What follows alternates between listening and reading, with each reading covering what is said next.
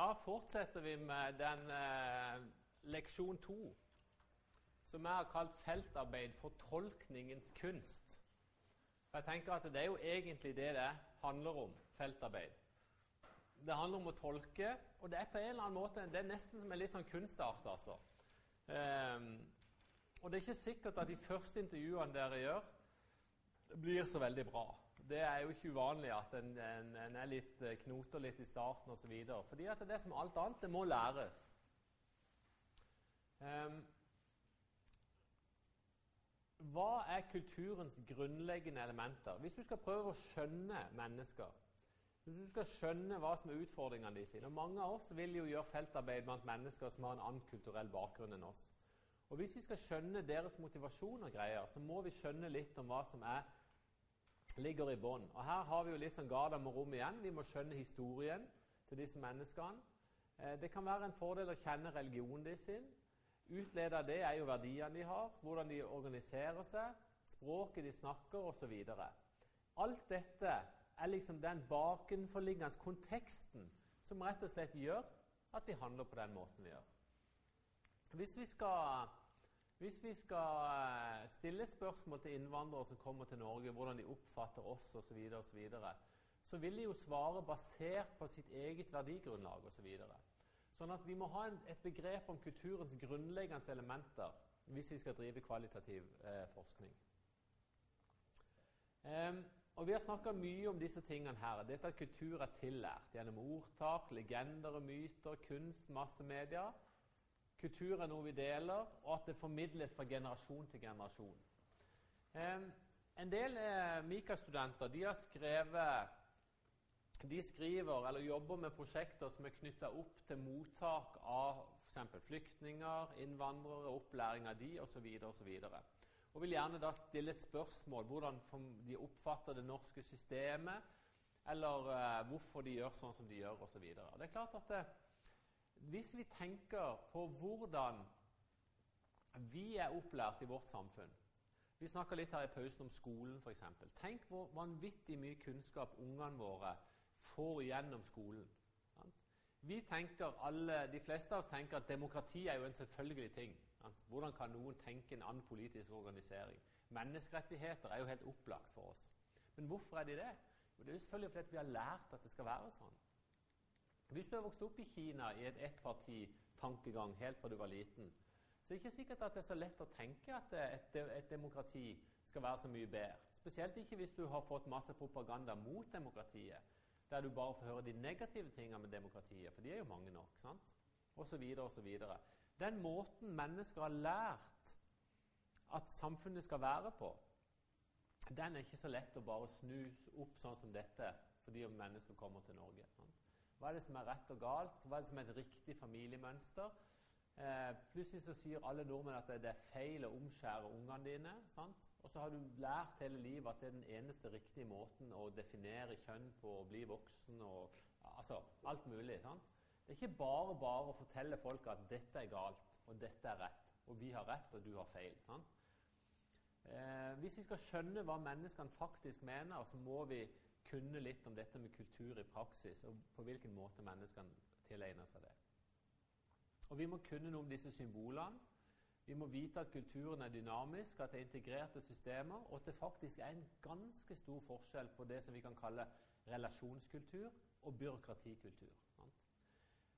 Jeg syns synd på de mennesker de som kommer til Norge og må stille seg opp i køen for å liksom få papir hos UDI, og så må de stå der.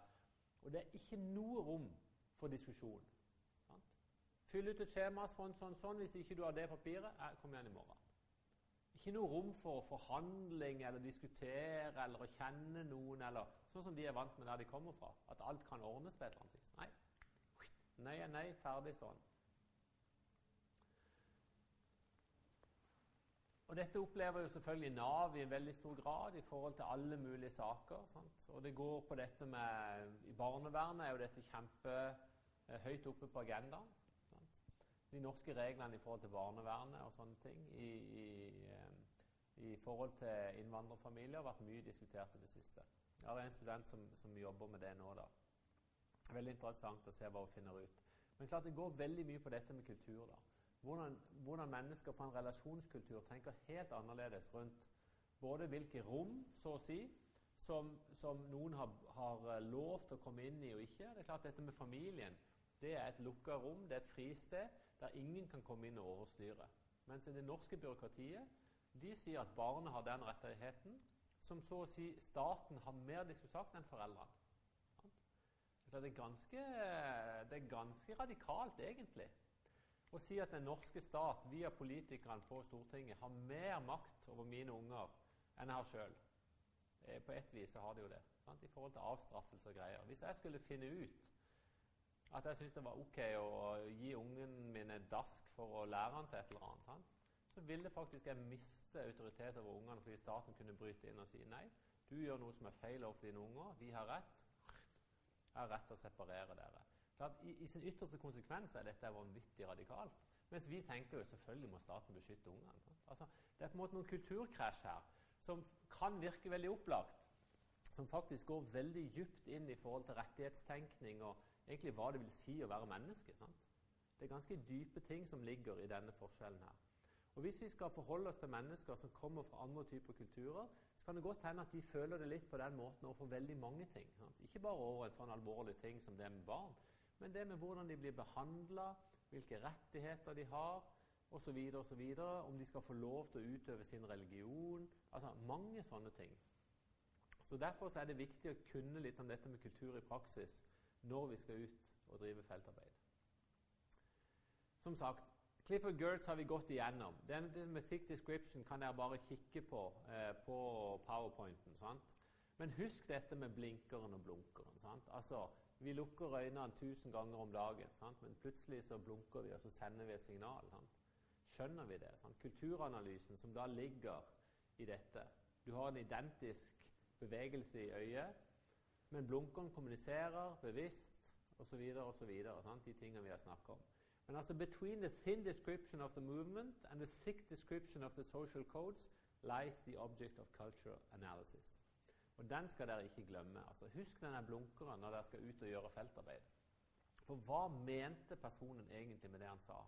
Han, han sa kanskje et ord, eller han himla med øynene, eller han gjorde et eller annet som egentlig kanskje ga masse betydning til ordene som ble sagt. Eller egentlig kanskje motsa de helt. sant? Altså, det ligger mange ting i disse tingene.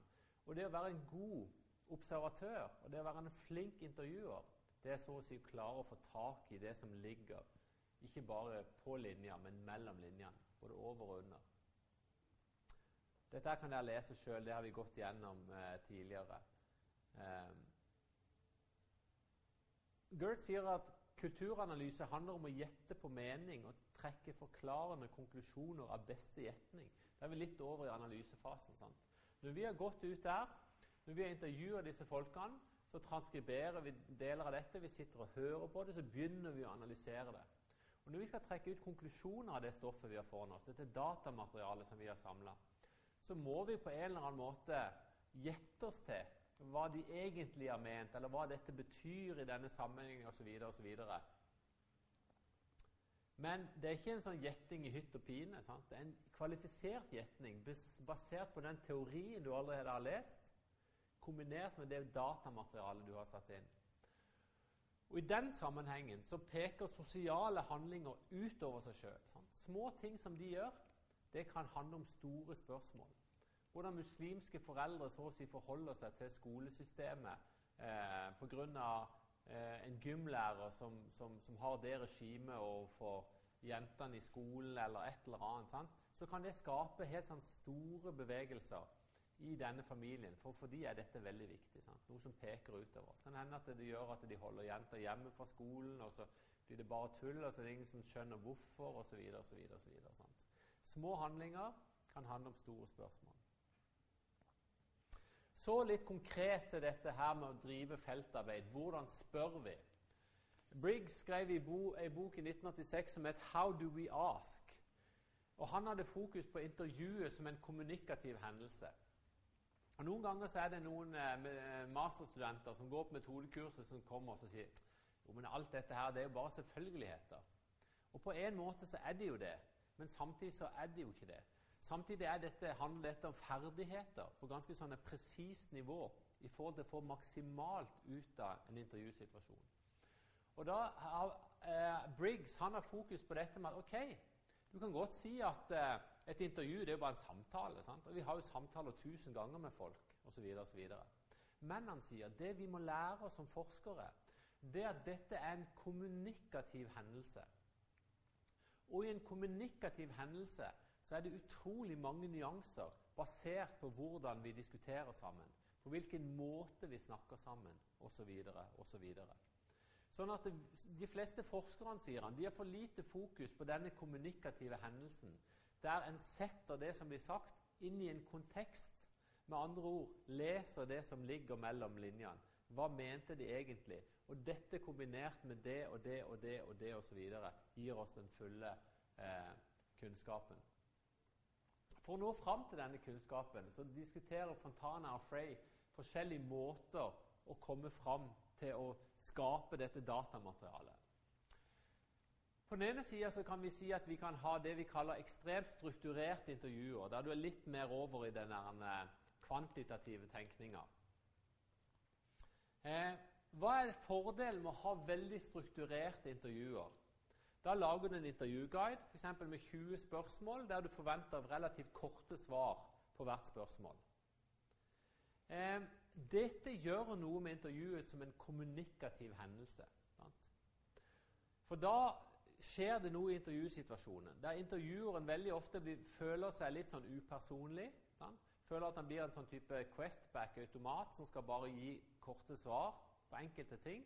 Og det vil også in influere på måten han svarer på. Han. Det er ikke så nøye. Jeg skal bare gi noen korte tilbakesvar. Hvorfor er det noen som sverger til litt mer strukturerte intervjuer? Jo, det er fordi at når du i ettertid skal analysere, intervju, eh, analysere intervjuene, og gjerne sammenligne intervjuene med hverandre, så er det klart at jo mer strukturert intervjuguide du har, jo lettere er det jo da å, samme, å sammenligne etterpå. Noen bruker sånn dataprogram til å sammenligne. Eh, og det er klart at Har du 20 spørsmål, så tar du bare alle svarene på spørsmål nummer 1, og så setter du de i en boks eller et dokument, og så har du på en måte alt klart. Veldig lett å sammenligne osv. Så, videre, sånn. så det er jo fordelen med de veldig strukturerte intervjuene. De gjør det enklere å arbeide med materialet i ettertid. For det er ganske mye jobb etter du har gjort intervjuer. Men samtidig så er poenget at du mister jo selvfølgelig noe av det som er det kvalitative sin styrke, nemlig å få fram nyanser og få fram eh, eh, hva skal vi si, detaljene i det, det du er ute etter å undersøke. Eh, kvalitative intervjuer det er jo, eh, det er jo eh, Alt dette er jo på en måte kvalitative intervjuer. Men når Fontana Frey snakker om det, så snakker de om det kvalitative som et litt mer sånn romslig eh, prosjekt. Der en sier at eh, det er det kvalitative som står i høysetet. Altså Det er den kunnskapen fra den andre personen som er viktig. Mye viktigere enn at du får svar på akkurat dine spørsmål. Så nesten all mi, eh, alle mine feltarbeid de har tatt utgangspunkt i intervjuguiden som en type temaliste. Dette er de temaene som jeg har lyst til å få kunnskap om. Så har jeg jo en del punkt på et ark, og I løpet av intervjuet så vil jeg innom alt dette, for jeg vil ha kunnskap om dette. Men min strategi er i mye større grad å få folk til å snakke. Sant? Og eh, jeg lanserer jo Jeg har jo snakka med dem på forhånd om selvfølgelig hva dette skal handle om. Men mitt, mitt åpningsspørsmål det er ofte ganske åpent. For at folk liksom skal komme i gang, føle seg trygge og begynne å snakke og tilnærme seg problemstillinga sånn som de ønsker å gjøre det. Og Noen ganger så er det i disse herrene uformelle startfasene av, eh, av, eh, eh, av intervjuet at jeg har funnet noen av mine gullkorn. Altså. Jeg skal snakke litt om, om, det doktorgradsprosjektet mitt neste gang. for Der har jeg et par eksempler på hvordan det, hvordan det skjedde. Men poenget er at eh, punkt nummer tre De snakker om intervju som forhandling og mening. Det tenker jeg er en interessant tilnærming. At det rett og slett er en samtale der vi liksom er litt sånn sparringspartnere det er en god intervjuer spør ja, hva mente du med det. da? Ja, men Hvorfor sa du det sånn? Og hva tenker du om det? Altså, Der du liksom får en sånn dialog der du spiller inn veldig korte ting. Jeg hører av og til noen sånne eksempler fra de, noen masterstudenter som har gjort intervjuer noen ganger. Det er klart det blir en litt sånn eh, eh, Det er ikke alltid det er like bra, for å si det sånn. sant? Og Det er fordi at en gjerne er litt sånn anstrengt som intervjuer og skal ha veldig lange og så har han veldig sånne korrekte spørsmål med veldig sånn akademiske formuleringer. og sånn, og Det er ganske håpløst. altså. For folk går ikke rundt og snakker sånn i akademiske termer. Ikke folk flest, i alle fall. Sant? Og Da er poenget lage et enkelt språk som folk forstår, for å få folk til å snakke. Da begynner de å fortelle hvordan de egentlig har det. Sant? Og Det gjør de ikke med en gang hvis de føler at de har veldig sånn korrekte spørsmål. Men det er en slags forhandling om mening.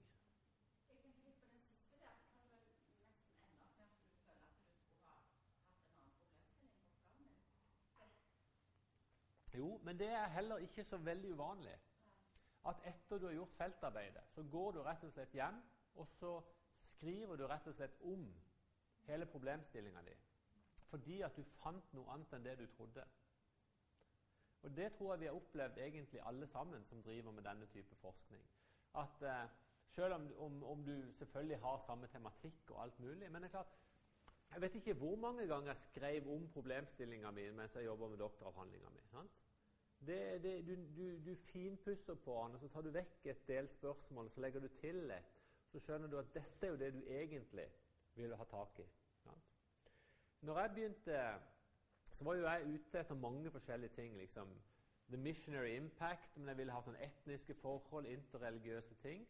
Men, men mitt fokus ble mye mer på dette her, hvordan disse to enhetene, misjonærene på den ene sida og de folket på den andre sida, hvordan de rett og slett hadde forskjellige verdensbilder. Sant? Det var det som jeg endte opp med, egentlig. Akkurat det samme budskapet betydde noe for misjonærene, og så betydde akkurat de samme ordene noe helt annet for de folket. Begge kunne være positive. F.eks. frihet. Hva betydde det? For misjonærene betydde det én ting. Sant? Frihet fra hedenskapens lenker, f.eks. De folket de hadde jo ikke noe forhold til hedenskapets lenker. Sant? De visste jo ikke hva det var for noe engang. Men hvis de ble kristne, så ble de kanskje fri fra de muslimske herskerne. Sant? Så fikk de skoler fra misjonærene osv. Altså, samme ordet hadde helt andre typer betydninger. Og det måtte jeg på en måte skrive inn i min problemstilling etter hvert som jeg skjønte at wow, dette var interessant. Så det er, det er ikke så uvanlig. Hovedspørsmålet var det samme. Hvorfor ble de kristne? Men sant, hvordan dette ble utleda, det forandra seg. Fordi at intervjuet ble en type forhandling og mening, og jeg fikk inn noen nye impulser og tanker som jeg ikke hadde hatt fra før. Så går du tilbake til teorien, og så leser du nesten teorien med litt nye øyne fordi at du har sett problemstillinga utvikle seg. Den metakommunikative kompetansen er Briggs veldig ute etter. Sant? Dette med meta, det som ligger over hva som egentlig blir sagt. Og Da må du kunne en del om konteksten eh, for å skjønne dette. Og Noe av det som disse de-folkene, gamle de-folket sa i intervjuet sitt, det var først etter å ha lest misjonærrapportene at jeg skjønte hva de egentlig mente. For de er klarte å sette ordene de brukte, inn i en kontekst som handla om noe som misjonærene beskrev på den måten, og så beskriver de-folket det på den måten. Og Så utvider perspektivet seg. Så ser du at misjonærene de hadde jo bare skjønt lite grann. Det, sant? Og så hadde de folket skjønt noe helt annet. Og når du setter de sammen, tenker jeg, da får du et rimelig bra bilde over hva som egentlig skjedde. Men du må ha kunnskap om konteksten. Sant? Og den får du gjennom å lese teori eller å lese historiske ting som er knytta opp mot dette. Så er utfordringa da hvordan skal du da så å si dekode det budskapet som du får gjennom datamaterialet. Og da, Det gjør du delvis gjennom å stille oppfølgingsspørsmål hva mente du nå? Eller eh, hvorfor var det sånn? Og så videre. du må på en måte dekode det som kommer. Og Det er noe av kunsten. Å klare å gjøre det i intervjusituasjonen. For Ofte så sitter du etterpå og hører du på intervjuet og sier hvorfor spurte jeg ikke om det?' Sant? Ja, det jeg skulle gjort. Noen ganger kan du gå tilbake og ta oppfølgingsintervju, men det er ikke alltid du kan det. Og Noen ganger så er liksom det magiske øyeblikket vekke. Sant? Nå har du personen der. Hvis du hadde spurt om det akkurat der, så hadde du fått svaret. Men hvis du kommer dagen etter, så, så er det gone, liksom. Så det er liksom noe med det der ferdighetene med å være en god intervjuer. Det er liksom å være ekstremt til stede i løpet av intervjuet. Så jeg, jeg føler at den intervjusituasjonen er ganske sånn fysisk utladende, rett og slett. Fordi at jeg er så konsentrert. For så veldig eh, klar for å få med meg det som blir sagt, og òg liksom stille de rette oppfølgingsspørsmålene. da. Men Dekoding av budskapet skjer delvis der og da, men det skjer selvfølgelig også etterpå når du skal analysere. Sant? Da tar du med den strukturelle dekodinga av hva som egentlig ble sagt. Ja, vi skal ikke si så mye om oral history, det kan jeg lese litt om, om sjøl. Jeg tror vi skal gå over på den, eh, den tredje powerpointen, som eh, går mer på praktiske råd i forhold til det med å gjøre feltarbeid. For eh, det er en del praktiske ting som kan være lurt å tenke på når vi skal ut og gjøre intervjuer. Um, selvfølgelig så snakker vi en del om dette med design. Um, det fins noen uh, powerpointer på det. Bård uh, Mæland har laga en som han la ut nylig, som handler om forskningsdesign. Der får noen tips. Denne boka 'Hvordan skrive masteroppgaven' er jo veldig god på dette. Hvordan skal vi lage et forskningsdesign? Men det har vi jo snakka litt om allerede, å finne forskningsspørsmål og sånn. Og så er jo neste punkt tilgang på felt. Da begynner de praktiske tingene virkelig. Sant? Har du tilgang på det du ønsker å skrive om? Du, får du lov f.eks. av rektor til å intervjue elevene dine? Det må du gjerne spørre om. Sant? Får du lov av den lederen på avdelinga å intervjue kollegaen Osv. osv. Du må på en måte vite at du har tilgang til det feltet du ønsker å undersøke. Eh, og så er det noe som heter feltrelasjoner, som vi skal snakke litt mer om etterpå. Men det kommer jo an på hva slags relasjoner du får. Hvis det er så å si sjefen, hvis du er avdelingsleder, og så skal du intervjue dine ansatte, sant? så er det klart at allerede der ligger det jo noen relasjoner i forhold til det å være sjef og ansatt. På samme måte som hvis du skal intervjue elevene dine. Så er det klart det er noen maktrelasjoner her som du må være obs på. Fordi at det kommer til å farge den type data, den informasjonen du får, i veldig stor grad. Og Det handler jo om din rolle som intervjuer. da. Hvem er du når du kommer eh, tilbake på feltet? Hvem var jeg når jeg intervjua de folket? Jo, jeg valgte jo selvfølgelig å ikke gjøre feltarbeid i det området jeg hadde bodd i Kamerun, men det var en del mil unna. Men allikevel så er det klart at de fleste her visste jo at jeg var ansatt i Misjonen. Og dermed så var jeg jo en representant for jeg, Hudfargen min kunne jeg ikke gjøre noe med, så jeg var jo en representant for de hvite.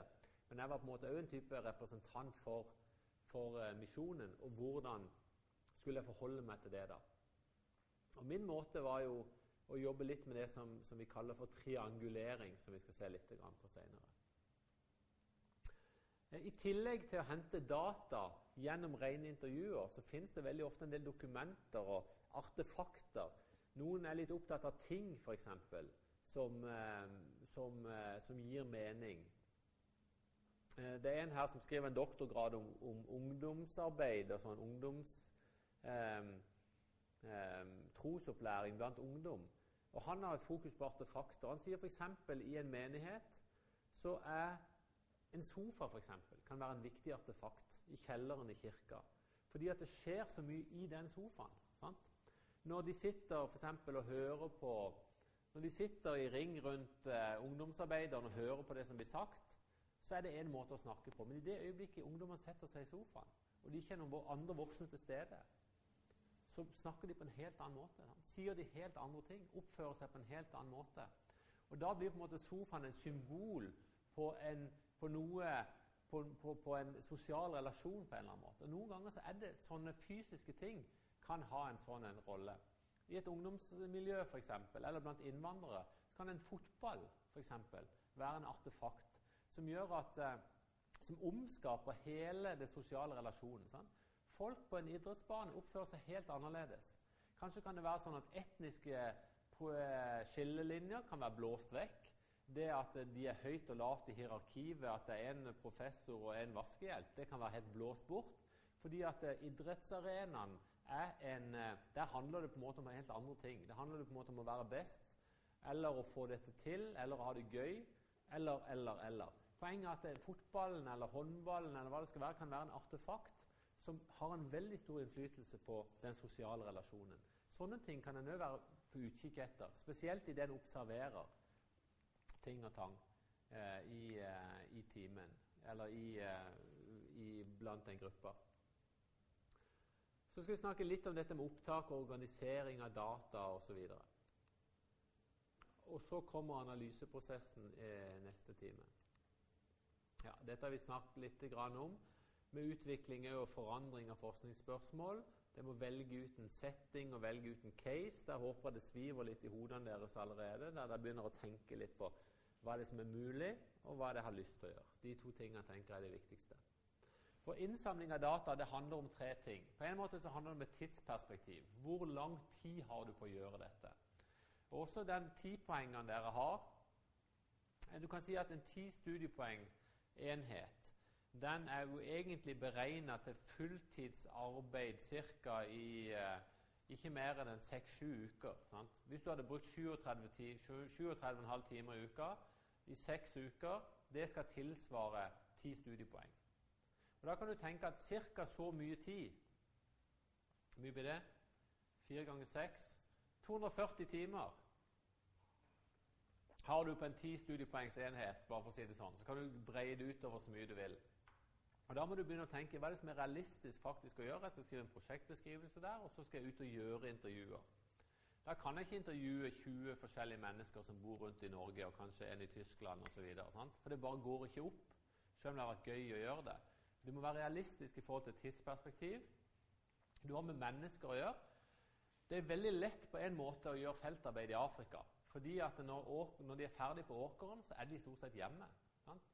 Så du bare avtaler at jeg kommer når, eh, når, når, du er ferdig på åkeren, og så har folk all verdens tid. For hvis de får besøk i landsbyen, så er det ingenting som er viktigere enn det. Det å avtale intervjuer med folk i Norge, det er faktisk ikke så veldig lett. For folk er så sykt opptatt. Og så er det alltid et eller annet, og så blir det utsatt og ditt og datt. Så bare det å klare å få tilgang på mennesker her i Norge er ikke så lett. Sånn jeg har hatt noen eh, masterstudenter som har lyst til å skrive f.eks. om, eh, om eh, eh, policyen til oljeselskap i forhold til naturvern og sånne ting. Sant? Det tenkte hun var veldig interessant. Hun kjente en del mennesker og skulle spørre dem. Det var ikke så lett. Sant? Å få tilgang til å intervjue f.eks. folk på Statoil, som normalt sett fakturerer kunden sin 1500 kroner timen for uansett hva de gjør. Tror du de sier at ja, kom og intervju våre folk, og bare ta deg god tid? Selvfølgelig ikke. Taksameteret går mens folk er på jobb. Ja? Og Da er det ikke så lett plutselig å få tilgang til feltet som du trodde. Og Kanskje har du en sånn human resource-person eller en sånn policy-fyr på miljøvern som stopper alt det der. Hun som skulle skrive om det, hun måtte bare gi opp. For hun kom ikke gjennom muren. altså. Hun fikk liksom tre kvarter med en sånn der, en person som satt der og leste opp omtrent sånn svar fra, fra det her dokumentet de sitter på. Eh, good governance osv.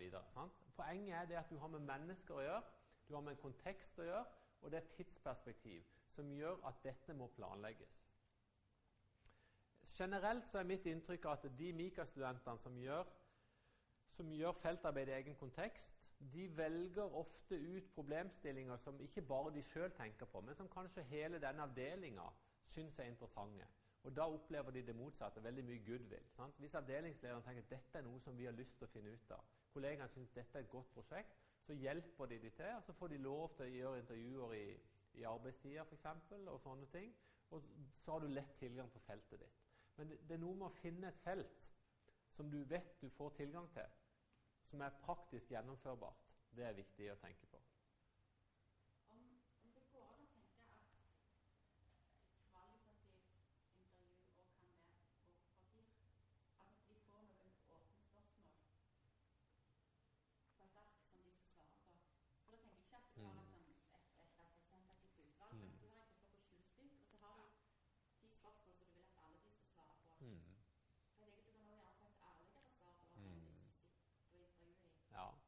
Det går jo an å gjøre det, og det er på en måte noen som ender opp med at de har en type um, e-postkorrespondanse med noen, eller eh, Det er jo ting som begrenser det. Noen har Skype-intervjuer osv. Så, videre, og så, videre.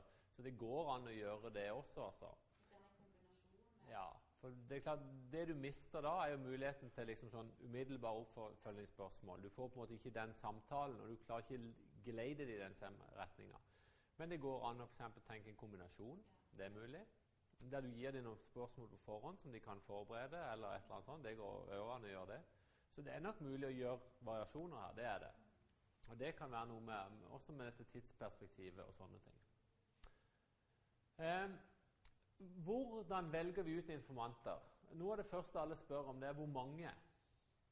Eh, Kvale, som en, eh, har skrevet en metodebok, han sier ti stykk pluss minus fem. sier han.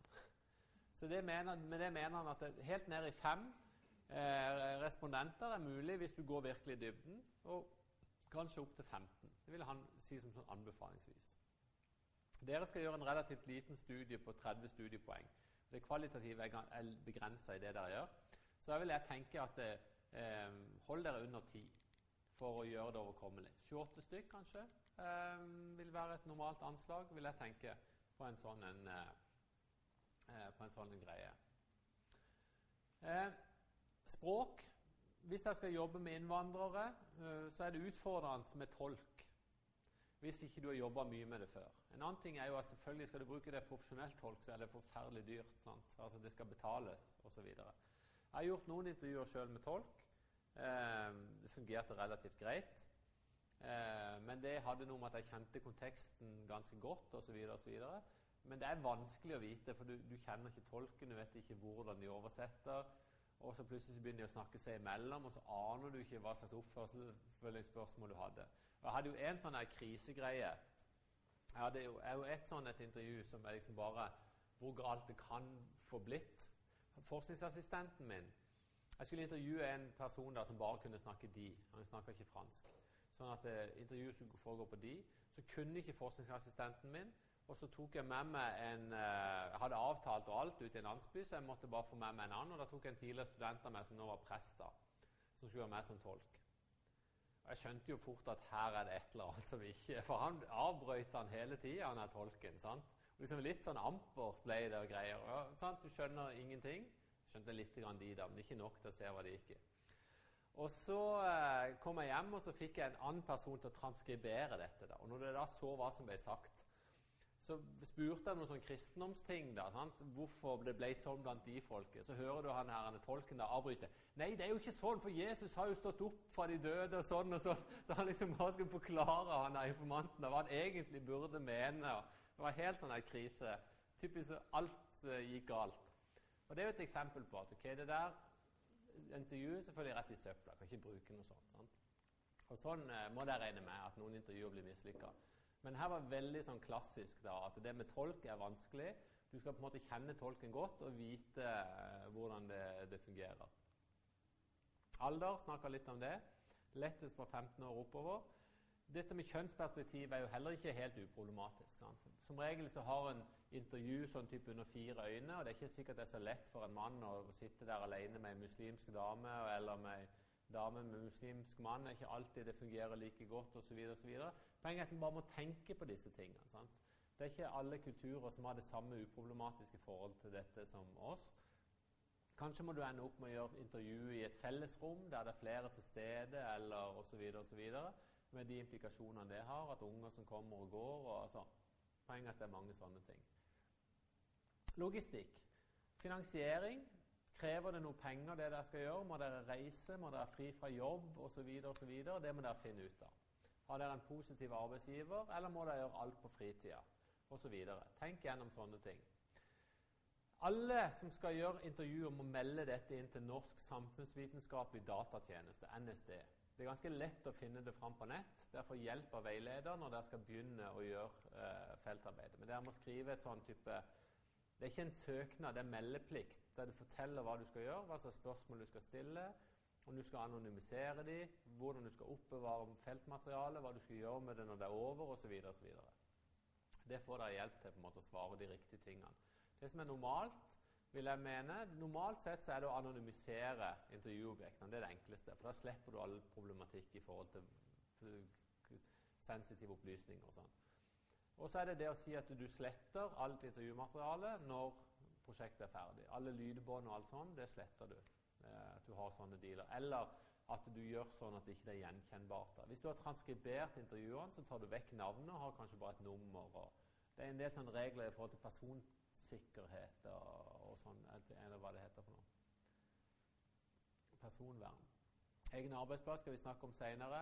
Når passer det? Når skal du gjøre dette? Skal du intervjue muslimer, eh, f.eks., så kan det være greit å vite om det er ramadan eller ikke, om de har spist eller ei, og når de skal ha fest. Og, altså, poenget er at det Og noen, noen eh, i noen jobbsammenhenger så går jo ting litt sånn i syklus. og sånt, At du kanskje ikke skal intervjue lærere midt i eksamenstida. Og, altså, poenget er at du tenker litt gjennom logistikken i det du skal gjøre.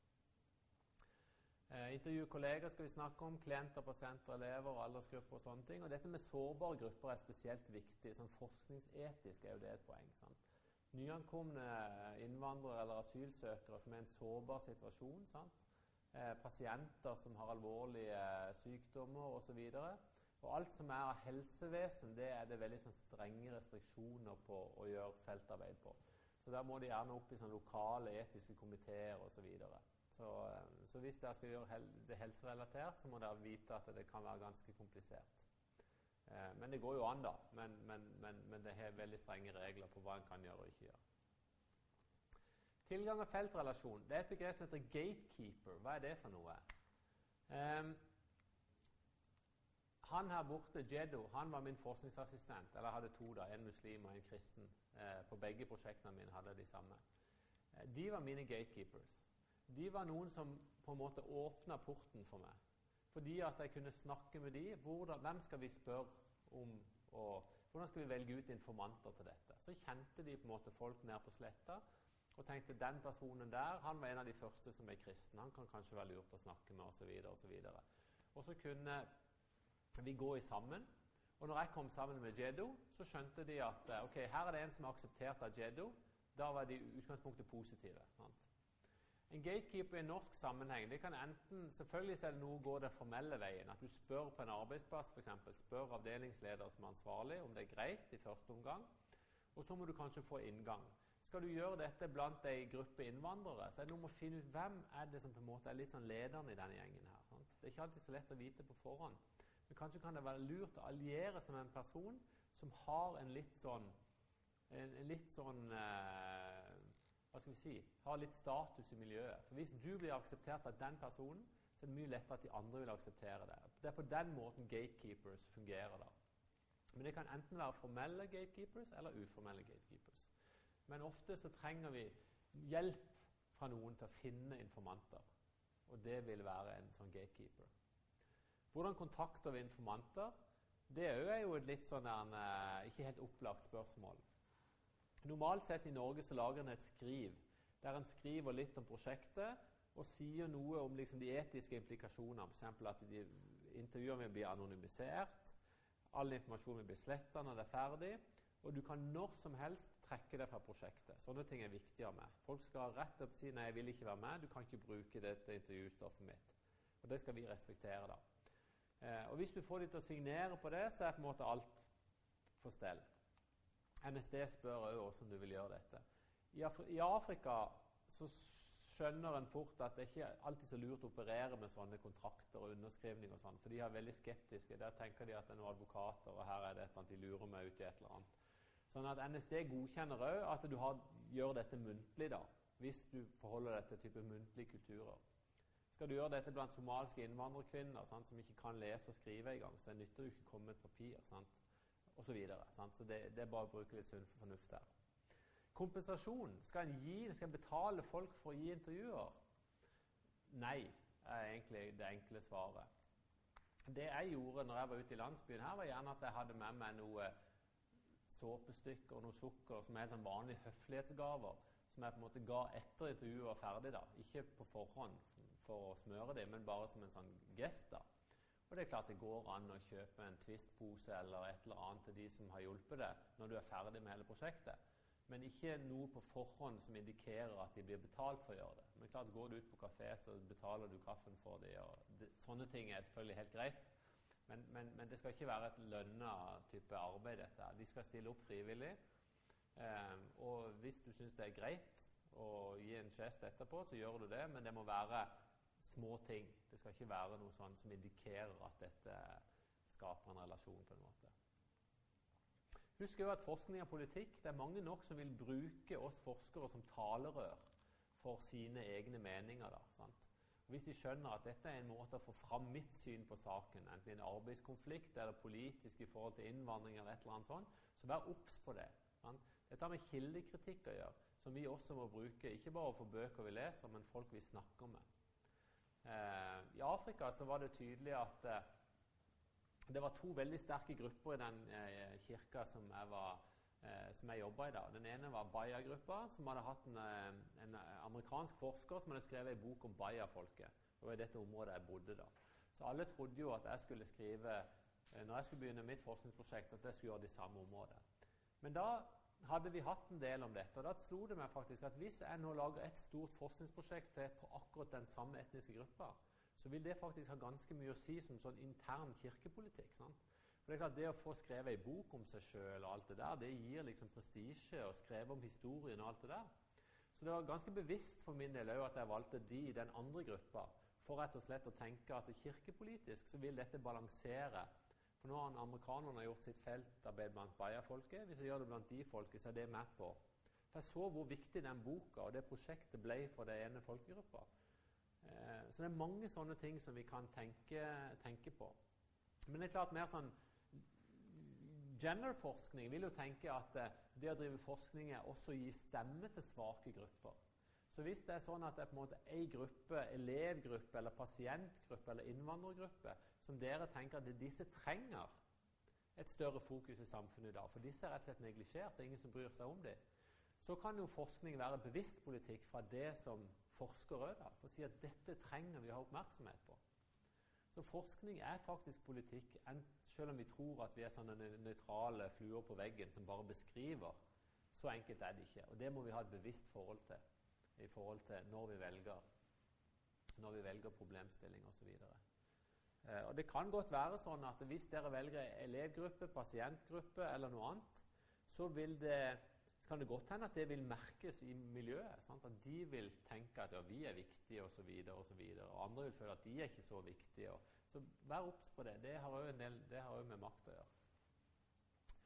Vi har snakket om intervjuer, kommunikativ kompetanse, eh, sosiohistorisk kunnskap, intervjuguide. Hvor mange spørsmål skal vi ha på en guide? Eh, det varierer. 8-12 spørsmål, kanskje. Ikke 25, liksom. Sant? Det blir altfor mange detaljerte spørsmål. Men det går an å operere med temaområder. Kanskje er det fem temaområder du vil innom i løpet av intervjuet. Men det har sammenheng med hva slags person du er, og hvordan du tenker om analyseprosessen. Det kan være lurt å gjøre testintervjuer. Én ting er hun blir vant til å høre sin egen stemme på det grusomme lydopptaket i begynnelsen. Det er jo en lidelse i seg sjøl. Men det er noe med å analysere hvordan du oppfører deg sjøl òg. Er du altfor pågående? Stiller du for raske spørsmål? Er du altfor tilbakelent? Prøv å analysere de første intervjuene og høre igjennom dem.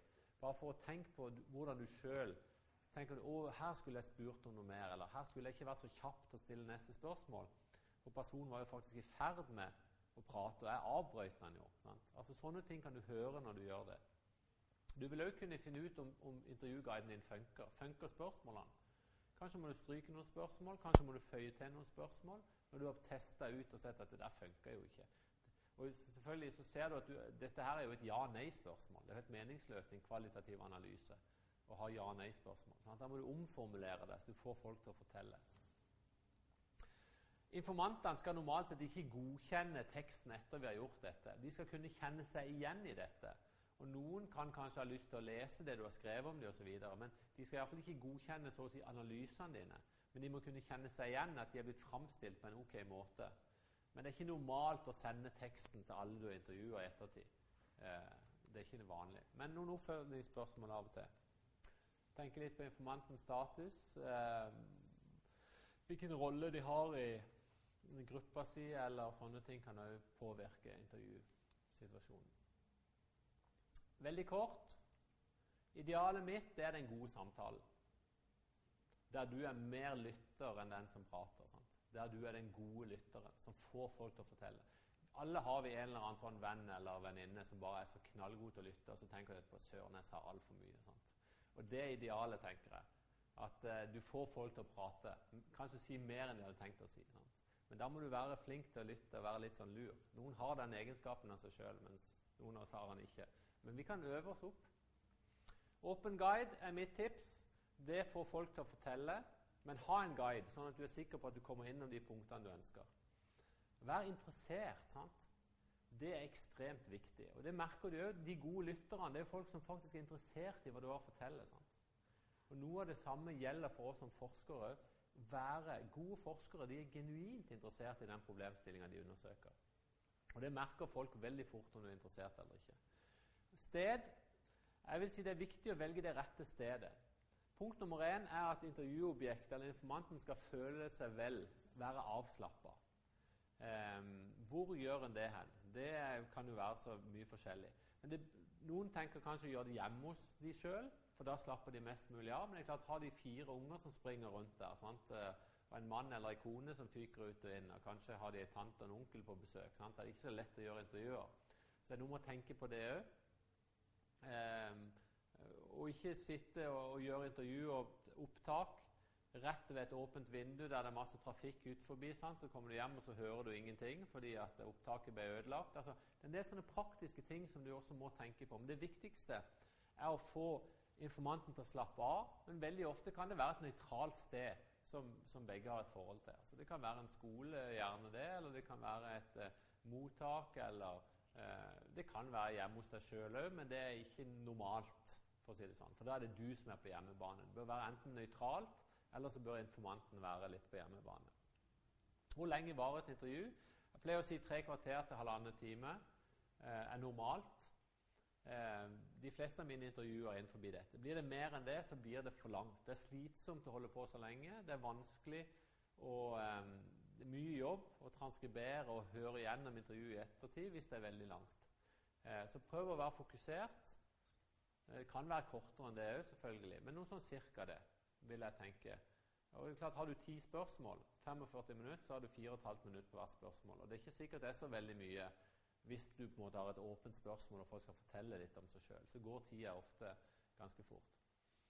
Men tipset er å være fleksibel i forhold til en måte, å følge Hvis en, en informant begynner å snakke seg litt ut på viddene, vekk fra noe annet, så gi de litt tid og prøv på en måte å heller bruke noen omveier for å komme inn på det du ønsker å snakke om, enn å bare kutte de av. og så nå skal vi snakke om dette. Det er ikke det jeg er interessert i. Sant? Det er dette. Det er ikke noen smart måte å få folk til å føle seg vel og liksom fortelle. Men ta heller å på en måte guide inn igjen der du ønsker. Så kan du heller kutte litt i det intervjuet i ettertid. Som sagt, ikke alle intervjuer kan brukes. Lær av egne feil. Feil gjør vi hele tida.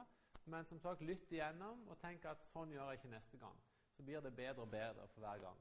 Og Selv om det første intervjuet var dårlig, så er det ikke sikkert du trenger å forkaste det. Kanskje var det ett gullkorn i det intervjuet som blir kjempeviktig i oppgaven din. For Det satt deg liksom på, på sporet av noe, av noe annet. Ja, observasjon det er jo forskjellige typer eh, observasjon. Enten du er deltakende, eh, eller eh, du er så å si flue på veggen. Det er noen som går inn i nye yrkesroller, f.eks. For, i forhold til å gjøre sånne ting. Sant? De er hjelpepleiere på et sykehjem for å så observerer de liksom relasjonene mellom de ansatte og greier og greier. Men det kan dere, hvis dere gjør det på egen arbeidsplass, så kan dere observere ting og tang der. Um, tenk på din egen refleksivitet. Dette med situatedness det handler veldig mye om hvordan du påvirker feltet bare ved din blotte tilstedeværelse. Sant? Og Det må vi tenke litt på. Det handler om vår rolle som intervjuer. Vi har alle biases, som vi heter. Vi er forutinntatt. Vi har, som har lest Gadamer, vet jo det at vi har våre formeninger eller våre fordommer. Og de må på en måte fram i lyset. Det er ikke noe galt å ha de, men du må være klar over det. Kjønnsroller har vi snakka litt om. Religion kan spille en rolle. Ta gode notater. Det er et godt poeng. For hvordan dokumenterer vi? Jo, selvfølgelig tar vi opptak av alle intervjuer. Primært gjør vi det med en MP3-greie. altså Nye, moderne mobiltelefoner har gjerne en god mikrofon. Kan bruke mobiltelefonen din. Bare pass på at du ikke sletter det ved en enkelt tastetrykk, men at du får lagra disse tingene. Det er veldig viktig veldig fort. Men enten en diktafon eller en mobiltelefon er ting i nå. Det er ikke så mange som opererer med kassetter lenger, sånn som jeg gjorde i begynnelsen. Det er litt ut. Håndskrevne notater. Det er veldig lurt å etter du har hatt et intervju, så fort du kan, sette deg ned og skrive ned hvordan du opplevde intervjuet. Sant? For det er noe med gestene og ting og tang og ideer du har fått, som ikke kommer fram på opptaket. Så det er lurt å gjøre notater Og ikke tenk at ja, dette husker jeg i morgen tidlig. For du gjør ikke det. Det, er helt, eh, det der er så frustrerende. Det er så mange ganger jeg har gått i den fella. Dette husker jeg selvfølgelig. Og så skal jeg sette meg ned og skrive dagen etter, og så er det blåst vekk alle detaljene. Så skriv ned fort. Noen bruker video. Det er, tenker jeg, det er litt sånn kronglete og påvirker situasjonen veldig mye. altså. Men, men, jeg hadde ei som skrev på en måte om døvetolkning. og sånn. Selvfølgelig måtte hun ta dette opp på video sant? når de hadde tegnspråk. Og, altså, noen situasjoner kan det være et poeng. Filme en relasjon i et klasserom eller noe sånt. Men er, eh, da er det litt spesielt hvis du skal bruke video. Men Noen gjør det og kan gjøre det, men det er en del kompliserte ting knytta opp mot det. Både i forhold til tolkning og det tekniske utstyret. Men de personlige refleksjonsnotatene de er veldig interessante. For de gir liksom farge til den situasjonen og det som har vært eh, diskutert.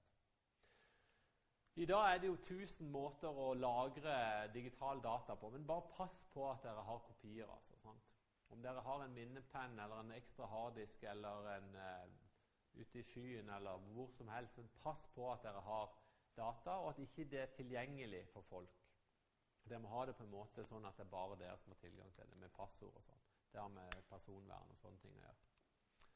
Men de fleste tips går ut på å begynne å skrive ting til, til oppgaven deres tidlig. Ikke vent til liksom, du har gjort alt på plass og si nå skal jeg begynne å sette meg ned og skrive. Begynn med å skrive teorikapittel eller deler av metodekapittel. Gjerne litt sånn hytt og pine, rett og slett, for å bare komme i gang med den skrivinga. For veldig mange så er det en bøyg. altså, Å begynne å skrive denne hersens masteroppgaven. sant? Det er alltid så mye. Jeg skulle bare lest ei bok til, jeg skulle bare tatt ett intervju til osv. Men kanskje midt i intervjuet, ta to intervjuer, så kan du allerede begynne å skrive noen stikkord i forhold til analysen eller et eller annet. Det er veldig lurt å bare komme i gang. Ja. Relasjoner helt til slutt. Den umiddelbare responsen du får selvfølgelig fra intervjuobjektene dine, varierer jo veldig. Mennesker er forskjellige. Hvordan håndterer du de inntrykkene du får? Det er jo noe som er utfordrende. For vår personlighet selvfølgelig, den påvirker oss som forskere. Eh, noen av oss eller noen er sånn at de får folk til å åpne seg veldig. Sant? Og Da får du kanskje vite mye mer enn du hadde lyst til. Sant? Får du kanskje noen fæle fortellinger fra barndommen eller et eller annet som, som, faktisk ikke er uproblematisk å forholde seg til sånn rent menneskelig. Det er utfordringa med dette. Hva er din rolle i felt her? Og Feltarbeid kan være emosjonelt utfordrende. Sånn. Du kan få sterke inntrykk, eller du kan føle deg totalt avvist, og det er heller ikke noe kult. Altså, poenget er at det, du er veldig sårbar i den situasjonen, og det må du være klar over.